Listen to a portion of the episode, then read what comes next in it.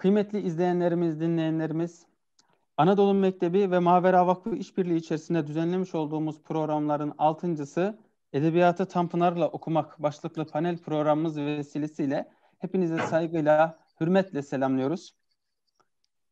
Ahmet Hamdi Tanpınar, Cumhuriyet dönemi Türk Edebiyatı'nın en önemli, en önde gelen isimlerinden biridir.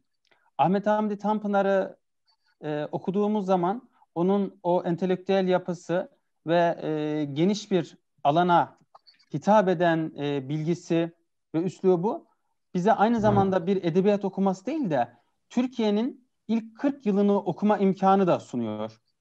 Bu e, söyleyeceğimiz şeylerin altı geniş bir okumanın neticesinde dolduruluyor ve bu dolduran e, isimlerle bugün kıymetli öğrencilerimizle ne demek istediğimiz çok daha iyi anlaşılacaktır diye ümit ediyoruz.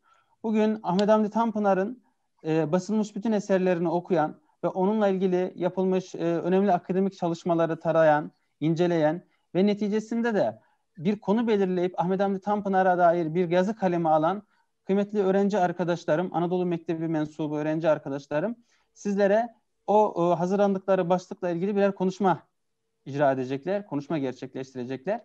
Ben sözü uzatmadan panel başkanı Eda Nur Yalçın'a sözü veriyorum ve pa- e, paneli yönetecek olan e, arkadaşıma ve tüm arkadaşlarıma, konuşmacı arkadaşlarıma başarılar diliyorum. Evet Eda Nur, söz sende. Atil Hocam teşekkür ediyorum. Saygıdeğer misafirler ve pek kıymetli Anadolu Mektebi mensubu öğrenciler. Bugün burada Edebiyatı Tanpınar'la Okumak adlı paneli panelist arkadaşlarımın dilleri döndüğünce sizlere aktaracaklardır. Bunun için toplanmış bulunmaktayız. Öncelikle sizleri saygı ve sevgiyle selamlıyorum. Kısaca kendimi arz edeyim. Ben Eda Nur Yalçın. Lise yıllarımda başladığım okumalarıma şu anda üniversite öğrencisi olarak devam etmekteyim. Necmettin Erbakan Üniversitesi Sosyoloji Bölümü 1. sınıf öğrencisiyim. 4 yıldır aktif halde Anadolu Mektebi mensubuyum. İzninizle ilk panelist arkadaşıma geçmek isterim. Rümeysa Bozdemir, İstinye Üniversitesi Psikoloji Bölümü 1. sınıf öğrencisi. Anadolu Mektebi'ndeki 3. yılı konusu Tanpınar'ın eserlerinde zaman. Kendisine başarılar diliyorum. Eda'ya teşekkür ederim. Öncelikle Anadolu Mektebi yazar okumaları projelerine gönül veren kıymetli arkadaşlarımı ve siz değerli dinleyicilerimizi saygı ve sevgiyle selamlıyorum. Büyük sanatkar, fikir ve kültür adamı olarak bugünlere kadar anılı gelen Ahmet Hamdi Tanpınar, 1901'de Kadı Hüseyin Fikri Efendi'nin oğlu olarak dünyaya gelmiştir. Cumhuriyet Devri Türk Edebiyatı'nın usta yazarlarından olan Tanpınar, şiir, hikaye, roman, tenkit ve edebiyat tarihi olmak üzere birçok eser vücuda getirmiştir. Bugün burada sizlere eserleriyle Türk Edebiyatı'nı birçok yönden besleyen, Türk hikaye ve romancılığında önemli yere sahip olan bu güzide insanı Ahmet Hamit Tanpınar'ın eserlerinde zaman temasıyla anlatmaya çalışacağım. Tanpınar'ın zaman anlayışı sıradanlıktan biraz ötede sürekli bir akış halindedir. Değişim de mümkündür. Zaman içinde durağanlık ve olağanlık söz konusu değildir. Tanpınar Bergson'un zaman mefhumu ile ilgili şu ilkesini benimser. Gerçek olan bizim çektiğimiz bir takım basit enstantane olan durumlar değildir. Bu dahi değişikliklerdir. Tersine olarak gerçek olan şey akıştır. İntikal sürekliliğidir. Yazarımıza göre zamanın içinde olduğu bu akış geçmişte şimdinin birleştirdiği bir akıştır. Ne içindeyim zamanın ne de büsbütün dışında. Yekpare geniş bir anın parçalanmaz akışında derken de insanın yaşama aşamalarını anlatır. İnsan doğar ve belirli bir zaman akışında yol tutar. Hayatı boyunca geçmiş ve gelecek arasında bir bağlantı kurar. Artık her şey bittiğinde yani ölüm baş gösterdiğinde zaman da insanı bırakır. Aynen mısralarda bahsedildiği gibi İnsanlar yaşam ve ölüm arasında hem bir zaman hem de bir zamansızlık arasında gidip gelirler. Tanpınar bu durumu parçalanmaz bir akış olarak tabir eder. Türk dünyasında birçok şiir ve romanın başyapıt niteliği taşıyan yazar, neredeyse yazdığı eserlerin tümünde zaman ve rüya kavramını ele alır. Huzur romanında her şey bir sonsuzlukla birbirinin tekrarıydı cümlesi geçer. Romanın sadece 24 saatlik bir süreyi kapsaması da bunun bir sonucu değil midir? Nitekim insan hayatı yıllardan, aylardan, haftalardan, daha da özleştirecek olursak günlerden oluşur. Tanpınar'ın romanının özel ve sadece bir anı kapsamasını istediği için. Tanpınar romanın sadece özel ve bir anı kapsamasını istediği için tek bir günü seçer belki de. Huzur üç yıkım romanıdır. Huzurda Nuran'ın Fahir ile evlenip boşanması, sonra tekrar evlenmesi Mümtaz'ın ilk yıkımı. Arkadaşı İsa'nın ölümüyle de ikinci kez yıkılan Mümtaz, Suat'ın da intihar etmesiyle tabiri caizse perişan oluyor. Bu haber sonrasında yolda baygınlık geçiriyor. Eve gittiğinde ise radyodan duyduğu bir haberiyle irkiliyor. Radyoda İkinci Dünya Savaşı'nın başladığı söyleniyor. Bu da Mümtaz'ın üçüncü yıkımı oluyor. Huzurda Huzurda zaman, Mümtaz'ın sürekli geçmişe gitmesi, mazi ile şimdiki zaman arasında bir köprü kurmasıyla öne çıkıyor. Aslında Tanpınar'ın zaman anlayışının bir özeti de bu. Huzurun devamın niteliğini taşıyan Mahur Beste, Tanpınar'ın kendi tabiriyle geçmiş zaman insanlarının hayatını tavsiye eden geçmiş zaman insanların hayatını tavsiye eden roman veya bir hikayeler dizisidir. Mahur Beste romanının ana karakteri olan Behçet Bey, gece gördüğü rüya üzerine sabah uyandığında derin düşüncelere dalıyor. 35 yıl önce vefat eden eşi Asiye Hanım'dan tutun daha babası İsmail Molla'ya kadar insanların kendi hayatındaki yerini, kendinde bıraktığı etkileri bir bir hatırlıyor. Mahur Beste ile Tanpınar romanın adından da anlaşılacağı üzere bir mazi yolculuğuna çıkıyor. Saatler de böyledir. Sahiplerinin mizaçlarındaki ağırlığa, canı tezliğe, evlilik hayatlarına ve siyasi akidelerine göre ister istemez değişirler. Saatleri Ayarlama Enstitüsü, Tanpınar'ın mazi ve yeni arasında sıkışıp kalmış insanları alaylı ve sert eleştirilere tabi tuttuğu nadide eserlerinden biridir. Belki de zamana verdiği kıymete en çok bu kitabında rastlıyoruz. Zaman açısından da en önemli kavramın yenilik olduğunu bu kitabında görebiliriz.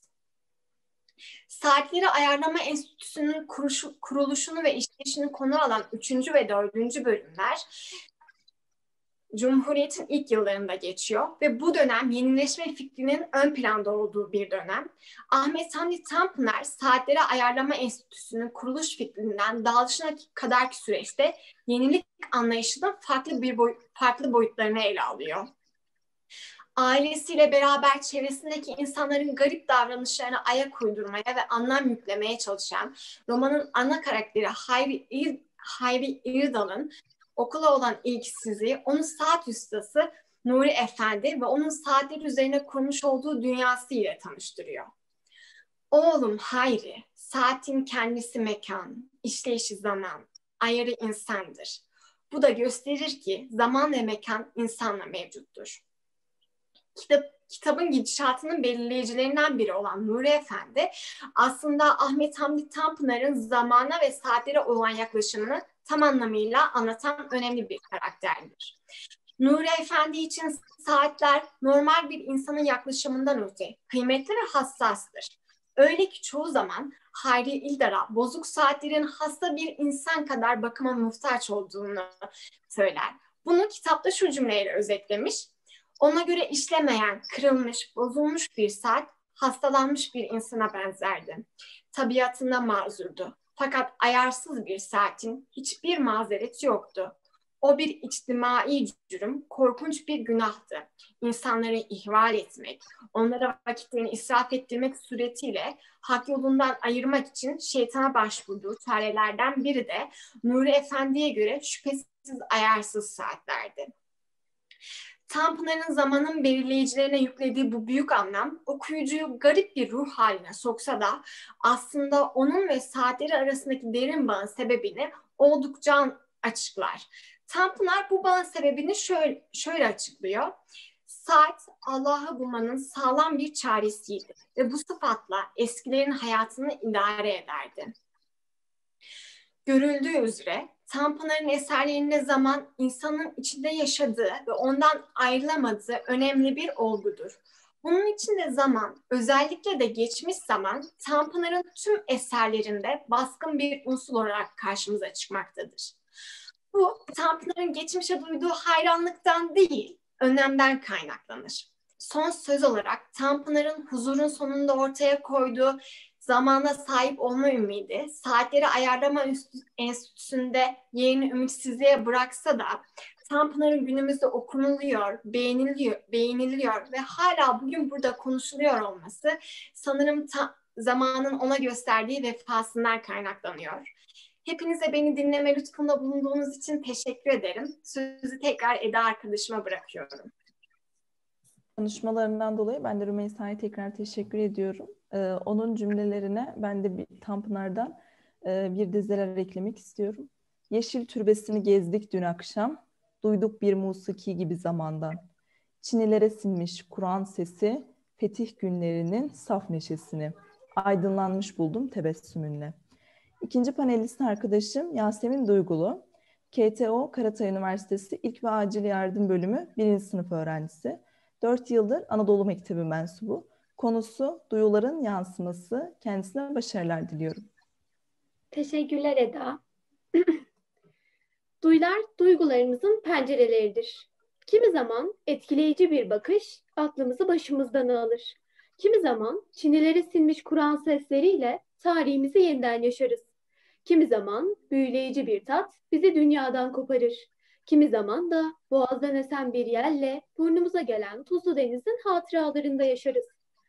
Tanpınar'ın eserlerinde duyuları farklı bir üslupla ele alması onun özgün tarafıdır.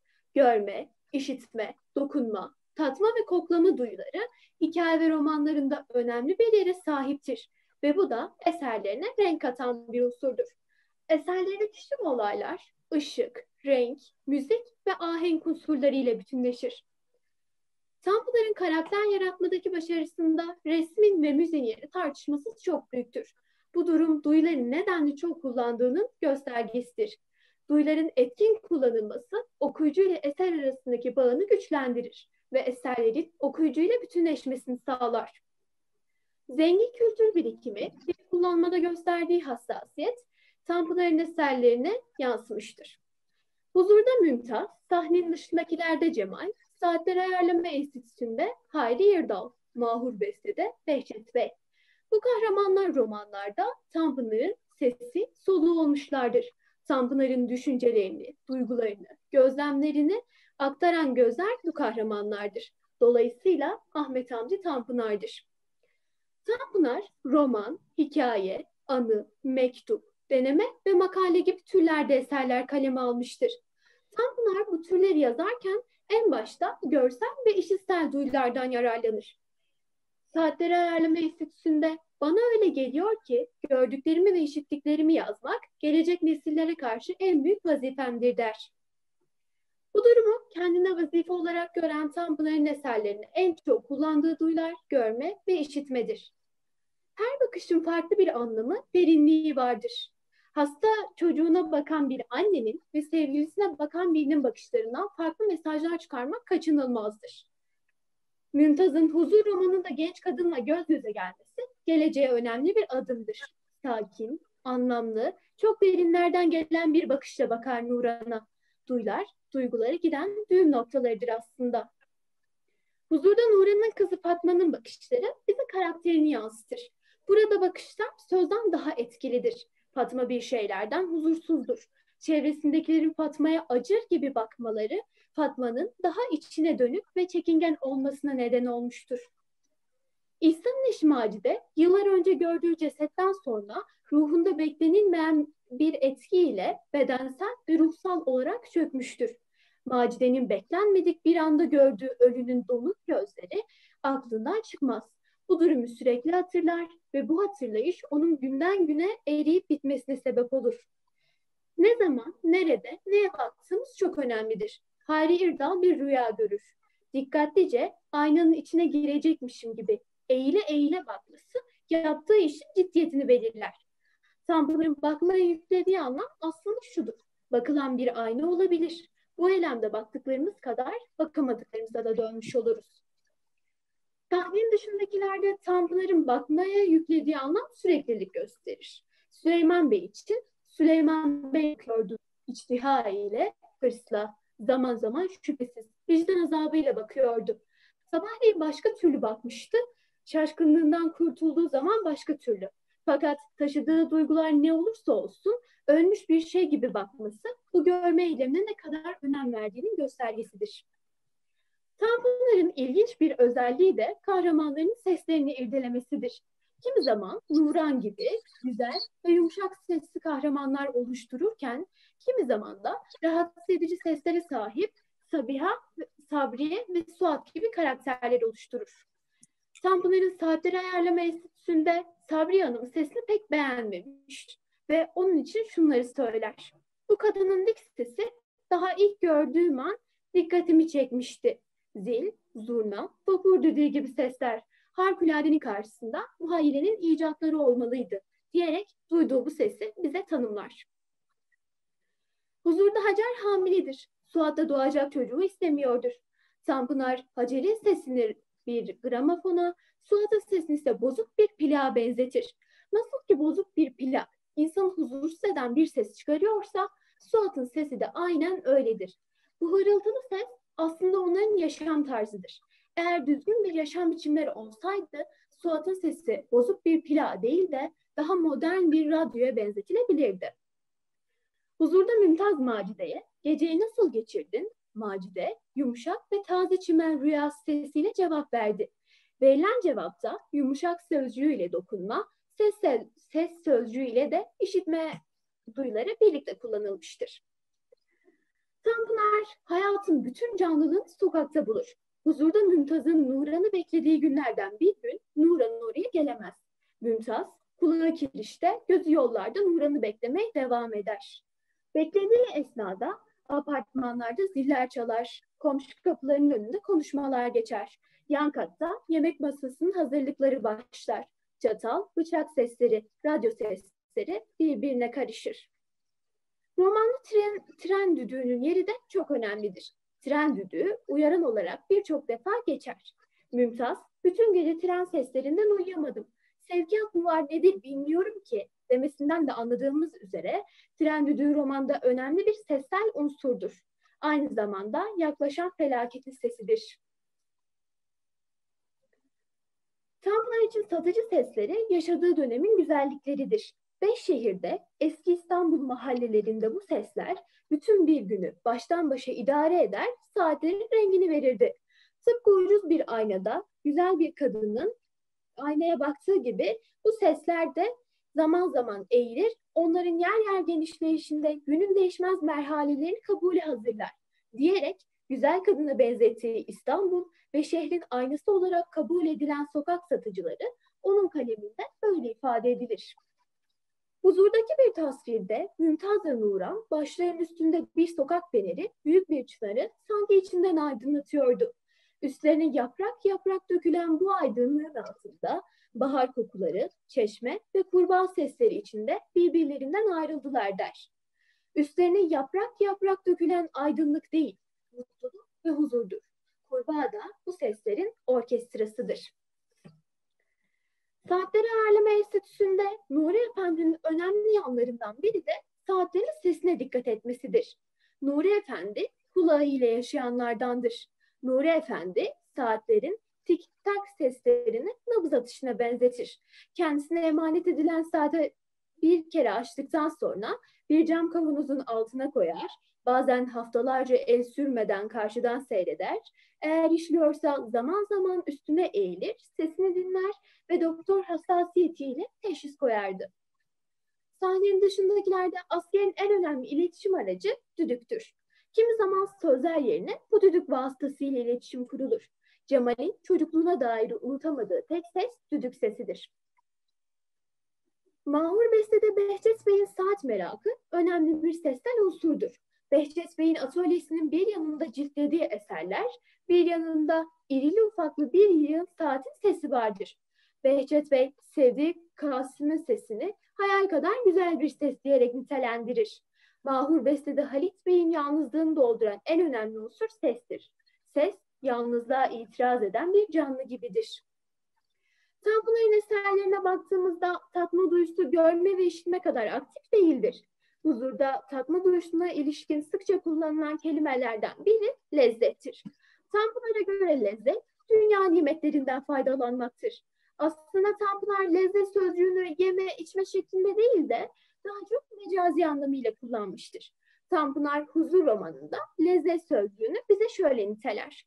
Nuran'ı beklemek ona çok lezzetli geliyordu.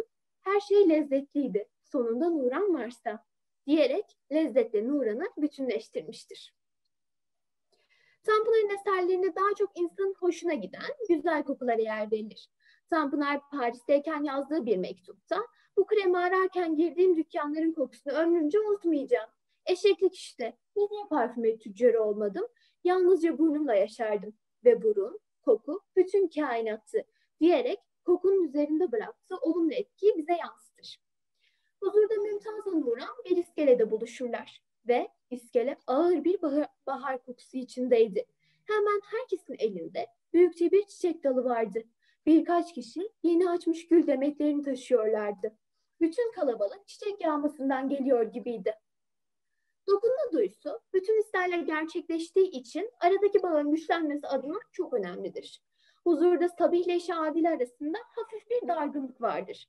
Sabih ortamı yumuşatmak için Adile'nin koluna girer.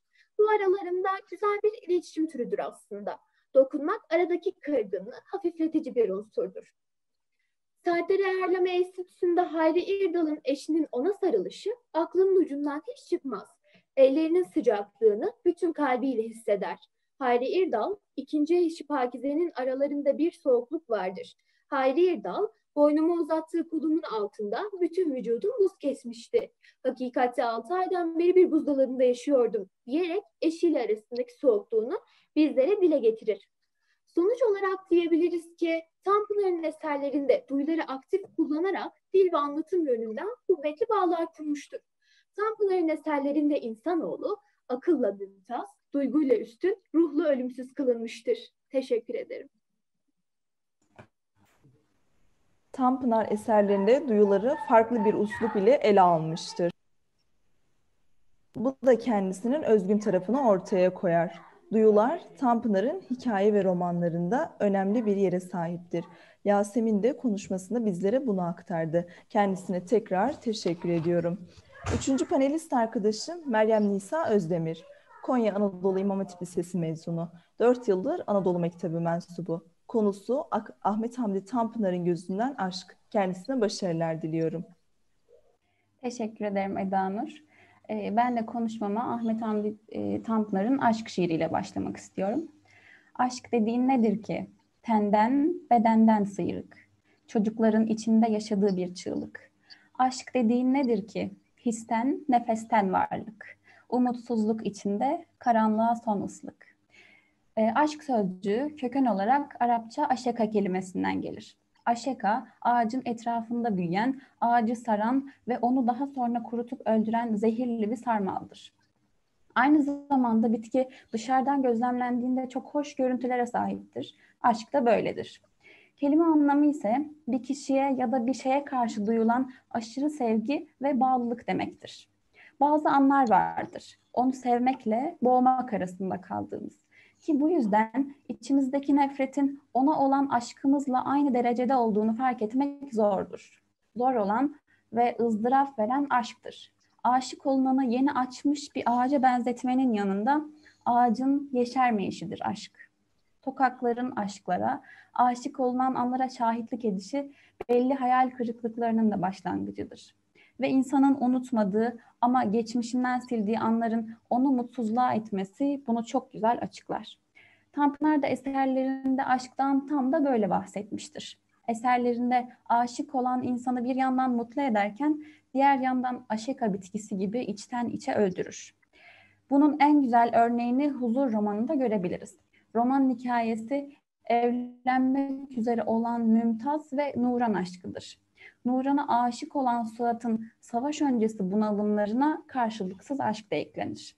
Ve romanın sonunda Suat intihar eder. Tanpınar bu kahramanların aşkını da mutsuz bir sonla noktalamıştır. Yani her aşk vardır. Tanpınar eserlerinde aşkın yıkıcılığı ve öldürücülüğünden çokça bahsetmiştir. Fakat bundan asla kaçmamıştır. Bunu da huzur şu sözünden rahatça anlayabiliriz. Atıl bu ava, yan ve yaşa. Zira aşk yaşamanın tam şeklidir. Tanpınar aşkı yeni açmış bir erik ağacı kadar güzel olmak diye tanımlar. Onun kadar güzel, büyüleyici, vazgeçilmez ve kendine özgü olmak demektir. Ve kadınlar sadece yaşarken değil, ölürken de güzeldir. Fakat Nevzat güzeldi. O gün büsbütün güzeldi. Hiç yaşanmamış şeyler kadar güzeldi. Hayatın eşiğinde, düşüncenin eşiğinde son bir defa gördüğünüz şeyler gibi güzeldi. Bu satırlar ise Ay'daki Kadın romanındaki aşk cümlelerinden oluşmuştur. Ahmet Hamdi Tanpınar eserlerinde bir insana olan aşktan çok kelime anlamındaki gibi bir şeye yahut bir e, şehre olan aşktan çokça bahsetmiştir. Bunu en güzel anlattığı Beş Şehir adlı eserinin konusu hayatımızda kaybolan şeylerin ardından duyulan üzüntü ve yeniye karşı beslenen iştiyaktır. Yine Beş Şehir'de bir şehri sevmek aşka sebep aramaktır diyerek e, aşkı somutlaştırıp insan silüetiyle karşımıza çıkarmıştır. Bu sözüyle asla somutlaştırmanın önemine değinmemiştir. Aşkı bir şehirle bize sunmuştur. Çünkü aşk karma karışıktır. Şehir bu karmaşıklığı temsil eder. Ee, şehrin karmaşıklığı ile aşık olan insan zihnini bağdaştırmıştır. Aşka sebep aramak, aşka çözümler getirme düşüncesidir. Tanpınar Huzursuzluğun kitabı olan Huzur romanında e, hem bir aşkı hem de İstanbul'a olan aşkı çok derin bir şekilde açıklamıştır. Huzur romanında Nurhan sadece Mümtaz'ın aşkla sevdiği bir kadın değildir. Mümtaz'ın duygu dünyasının doğrudan her an teneffüs ettiği, anı oluşturan geçmiş ve geleceğinde cisimleşmiş halidir. Mümtaz, Osmanlı'nın yıkılmasıyla adeta ufalanan, dağılıp çözülen, pek az anlayanın dışında bit pazarına düşmüş eski musikiyi, şiirleşmiş mimariyi ve e, eski zaman saraylısı Nuran'ı sever. Ama bu Nuran'ın yanında kocasından ayrıldıktan sonra kızıyla hayata tutunmaya çalışan ve evlilik dışı ilişkiyi yaşamakta bir beis görmeyen ait olduğu seçkin çevresinin dışında birey olarak modern zaman kadını Nuran'ı da sever. Terk ettiği doğunun gittikçe silikleşen masalsı silüetine bakarken hüzünlenen Mümtaz ve Nuran, geleceğin getireceği belirsizlikleri bugün de yaşayan eşikteki huzursuz kahramanlardır. Mümtaz, Nuran, Mümtaz ve Nuran'ın yaz aşkları e, bir sarkaç gibi geçmiş ve gelecek arasında sallanırken anın hazını da gölgelemektedir.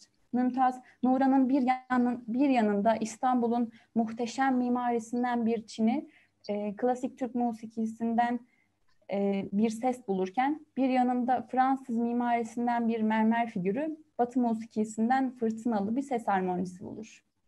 Fethi Naci der ki, Huzur, Türkçe'de okuduğum en güzel aşk romanı. Üstelik tek aşkın bir erkeğin bir kadına olan aşkı da değil. İç içe iki aşkın romanı. Birbirini besleyen, geliştiren iki aşkın. Mümtaz Nuran'a olduğu kadar İstanbul'a da aşıktır. Ahmet Hamdi Tanpınar yine Beş Şehir adlı eserinde İstanbul için şöyle diyordu. İstanbul ya hiç sevilmez yahut çok sevilmiş bir kadın gibi sevilir. Yani her haline, her hususiyetine ayrı bir dikkatle çıldırarak. Mümtaz şöyle der. Birbirimizi mi yoksa boğazı mı seviyoruz? Hatta Tanpınar'ın İstanbul aşkı o dereceye ulaşmıştır ki zaman zaman sevdiği kadın ile İstanbul'u birbirinden ayıramaz. Tanpınar bu aşkı e, bu dünyanın en basit, adeta bir cebir muamelesini hatırlatacak kadar basit bir aşk hikayesidir diye tanımlar. Tanpınar'a göre aşk, birbirinin ruhundan anlayan e, dostluk ve arkadaşlık demekti. Aşk, birbirine aşık iki kişinin aynı zamanda bir yol arkadaşlığıydı. Hem kendilerini hem de birbirlerini keşfetme yolculuğuydu. Tanpınar'a göre aşk günlük hayattan soyutlanmış sadece bir erkekle bir kadının bağımsız ilişkisi değildir. Aşk günlük hayatın bir parçasıdır. Romanlarında aşkı bir taraftan günlük hayatın içine alırken bir taraftan da günlük hayattan çıkararak insanın içsel yolculuğunda e, ve kendini bulma serüveninde bir kılavuz yapacak kadar yüceltir. Aşk psikolojisinin en dikkate değer taraflarından birisi de mevzunu tanımadan başlamasıdır. Onun için her aşk devamı boyunca bir yığın lezzetli keşifler silsilesi olur. Gülerken, konuşurken, hiddet veya hüzünde bu küçücük insan vücudu bizim için daima yenidir ve her kımıldanışında, kainatla her temasında bizim için yepyeni imkan, hayranlık ve vesileleri verir. Sevdiğimiz şeyler bizimle beraber değişirler ve değiştikleri için de hayatımızın bir zenginliği olarak bizimle yaşarlar. Nuran, Sabiha, Atiye, Leyla, Tanpınar'ın eserlerindeki kadın karakterlerdir. Tanpınar için kadın olağanüstü bir varlıktır. Güzel, bakımlı, alımlı olmasının yanında kültürlü ve entelektüeldir.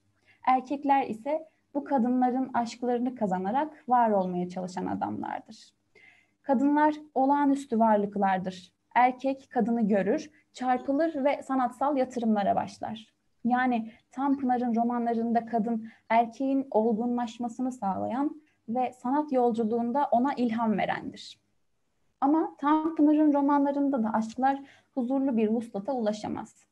Yazar annesini erken yaşta kaybetmesinin acısını bu kadınlar için çektiği acının içine gizlemiştir. Bu sebeple kadınlara büyüklük ve yücelik atfetmiştir.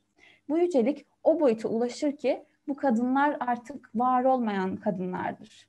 Ahmet Hamdi Tanpınar'ın büyük yalnızlığının nedeni de işte o var olmayan kadınları bulma çabasıdır. Bu çaba zaman zaman e, geçmişteki güzel bir anının hazzı, geleceğe karşı duyulan iştiyak olsa da hep anın yalnızlığından öteye gidememiştir. Diyebiliriz ki Tanpınar, Türk Edebiyatı'nda kadını, aşkı, acıyı en güzel anlatan romancıdır. Bizlere bu nadide eserleri bırakan Büyük Üstad Ahmet Hamdi Tanpınar'ı rahmetle anıyor ve beni sabırla dinlediğiniz için sizlere teşekkür ediyorum. Meryem Nisa bizlere Tanpınar'ın eserlerinde aşkın çeşitli yönlerine, aşkın yıkıcılığı ve öldürücülüğüne sıkça rastlayacağımızdan bahsetmiştir. Kendisine tekrar teşekkür ediyorum. Dördüncü ve son panelist arkadaşım Nihal Talay, Selçuk Üniversitesi Ameliyathane Hizmetleri 1. sınıf öğrencisi. 4 yıldır Anadolu Mektebi mensubu. Konusu Ahmet Hamdi Tanpınar'ın kitaplarında musiki. Kendisine başarılar diliyorum. Teşekkürler Eda. Öncelikle herkese merhabalar. Ee, güzel sanatlar insan doğası ile bağdaşan, bir araya geldiğinde insan ruhunu oluşturan birer parçadır. Şiir, roman, hikaye, deneme fıkra, edebiyat tarihi alanlarında tekrar tekrar okunacak ve her okunuşta insan ruhunu zenginleştirecek eserler kaleme almış olan Tanpınar'ın sanatının ve estetiğinin oluşumunda güzel sanatlardan musikinin çok önemli bir payı vardır. Musiki Tanpınar'ın düşünce sistemindeki önemli mefhumlardan ve insanda güzellik duygusu oluşturan önemli unsurlardan birisi olmuştur. Hocası Yahya Kemal'in de etkisiyle musikinin büyüsünü yakalayan Tanpınar, musikiyi sadece güzellik duygusu olarak görmenin dışında onun hayatımızın manevi alanının da onlardığının farkındadır. Bunu sıkça eserlerinde de dile getirmiştir. Güzel sanatların her dalına ilgi duyan ve kendi estetiğini bunların şekillendirdiğini dile getiren Tanpınar için musiki vazgeçilmez bir kavram ve değerdir. Tanpınar, klasik Türk musikisini Türk kültürünün önemli hazinelerinden biri olarak görür. Kültürel değer, mana ve estetik açıdan ayrı ayrı ele alır. Musikinin ışığında iki farklı dünyanın, Doğu ve Batı medeniyetlerin karşılaştırmasını yapmıştır.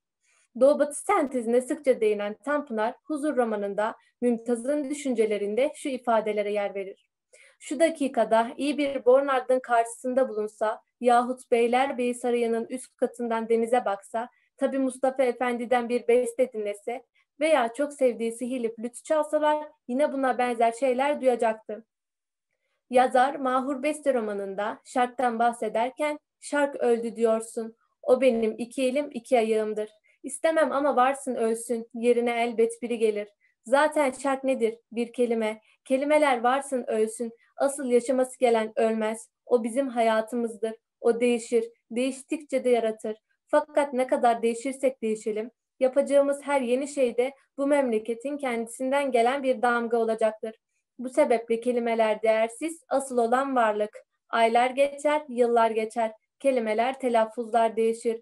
Fakat asıl olan değişmez, ölmez. Ne kadar modernleşsek de o ölmez, yok olmayacaktır. Bir başka satırlarında da ne şarka, ne garba, ne falana feşmekana bağlıyım. Bize bağlıyım, hayata, yani ölmeyen bir şeye bağlıyım der. Yani dıştaki kabuk ne renk olursa olsun, içteki asıl hep aynı kalacaktır. Asil azmaz, bal kokmaz diyen atalarımız bunu tasdiklemişlerdir. Tanpınar musikiyi bir nota, bir ses olarak görmenin dışında musikinin hayatımızın manevi alanını da onardığının farkındadır.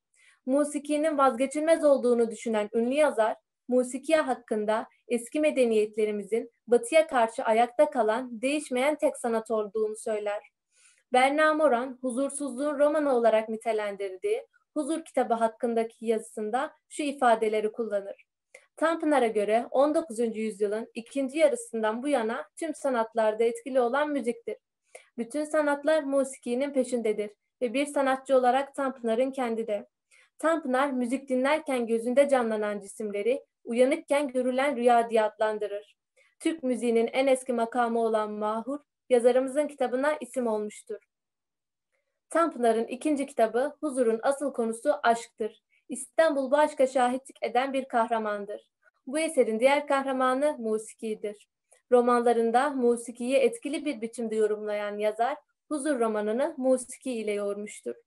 Yazar aşkın tanımını yaparken musiki kavramını en ön planda kullanmış, musikiyi aşktan öncelik tutmuş, onun yorumlarında musikiye her zaman bir adım önde olmuştur.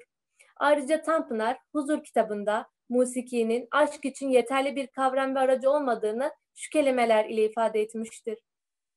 Çünkü musiki zamanın üzerinde çalıyordu.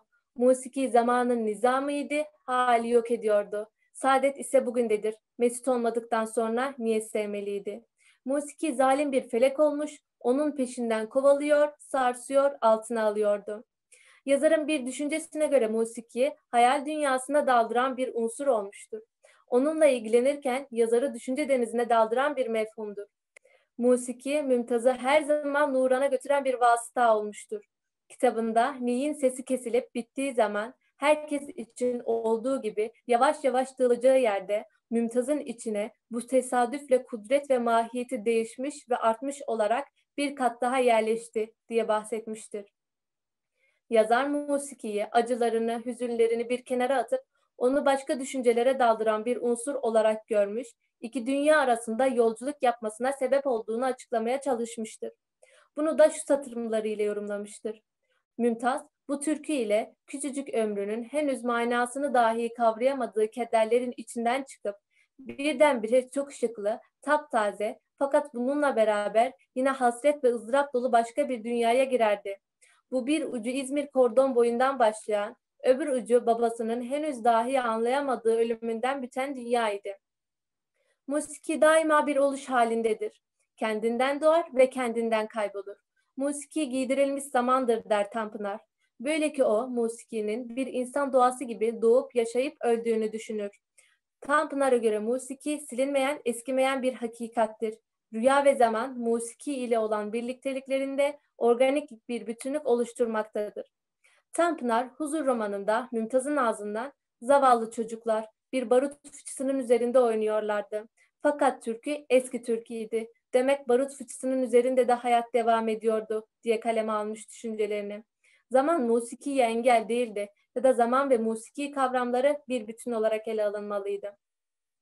Tanpınar, roman türündeki ilk denemesi olan Mahur Beste'yi 1945'te yayımlar.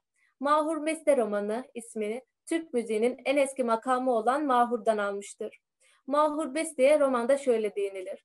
Mahur Beste, Atiye'nin küçük eniştesi, küçük eniştesi Lütfullah Bey'in babası Talat Bey'in eseriydi. Bir çark yüzbaşı olan Talat Bey bu eserini karısının kendisini bıraktıktan sonra yazmıştır. Hüzünlü bir aşk hikayesi bu eserde eski musiki kalıplarına dökülüp dile gelmiştir. Tanpınar müzik ile incelen ve derinleşen sanat anlayışıyla mahur makamına diğer romanlarında da göndermelerde bulunur. Musiki unsuru Tanpınar'ın düşünce tarzında, şiirlerinde, nesillerinde önemli bir yer tutar. Musiki Tanpınar'a tek bir biçimde gelmez. Dinlediği parçalar önce bir takım hayallere, bu hayaller duygulara dönüşür. Tanpınar musikinin Türk ruhunu milli özelliklerimize en çok verdiğine inanır. Bunu da şöyle ifade eder. Türk ruhu hiçbir sanatta bu kadar serbest surette kendi kendisinde olmamıştır. bu kadar derin ve yüksek kemale mutlak bir hamleyle erişmemiştir. O ne büyük ibadadır, o ne zenginliktir. Yazarın bir diğer eseri beş şehri görmezden gelmek mümkün değil elbet. Çünkü Tanpınar şehirleri müziğiyle yansıtır. Erzurum'da dinlediği bildiği müzik için billur piyale, bizi mahalli, klasik adını verebileceğimiz orta sınıf musikisine götürür der. Konya'yı anlatırken müziğin yanı sıra folklorine de değinir. Ben Orta Anadolu Türklerini, o gurbet, keder türlü yoğunluğunu ve dert kavramlarını bu şehirde tanıdım der. Beş şehir kitabında yazar, musiki ile şehri tanımlamaktadır. O şehrin mazisini ve duygularını anlatmaktadır. Ahmet Hamdi Tanpınar, tarihimizin zenginliklerinden olan klasik Türk musikisini gerek estetik, gerek kültürel değerler açısından ayrı ayrı değerlendirerek musikinin ışığında iki farklı dünyayı, Doğu ve Batı medeniyetlerini karşılaştırarak edebiyata damga vuran eserler bırakmıştır. Tanpınar'ın musikiye olan ilgi ve yakınlığında Ahmet Haşim'in ve Yahya Kemal'in etkileri unutulmamalıdır. Tanpınar eserlerin tümünde musikiye yer vermiş, musiki mefhumunu adeta yaşatarak okuyucuya aktarmıştır. Tanpınar eserlerine musikiyi katarak dili hafifletir ve eserlerinde okuyucunun zevk almasını sağlar. Konuşmamı Tanpınar'ın musiki şiiriyle bitirmek istiyorum. Ey bitmek bilmeyen hüznü zamanın, her şey sana karşı kendi içimde. Renk ve büyüsüyle bakışlarının, musikin hatıran gibi peşimde. Beni dinlediğiniz için teşekkürler. Musiki, Tanpınar'ın düşünce sistemindeki önemli mefhumlarından ve insanda güzellik duygusu oluşturan e, ve insanda güzellik duygusu oluşturan önemli unsurlardan biri olmuştur. Nihal de bizlere bunu aktardı. Kendisine tekrardan teşekkür ediyorum. Saygıdeğer misafirlerimiz, panelimiz burada son bulmuştur. Bizleri sabırla dinlediğiniz için hepinize teşekkür ediyorum. Hep herkese hayırlı günler diliyoruz. Hoşçakalın.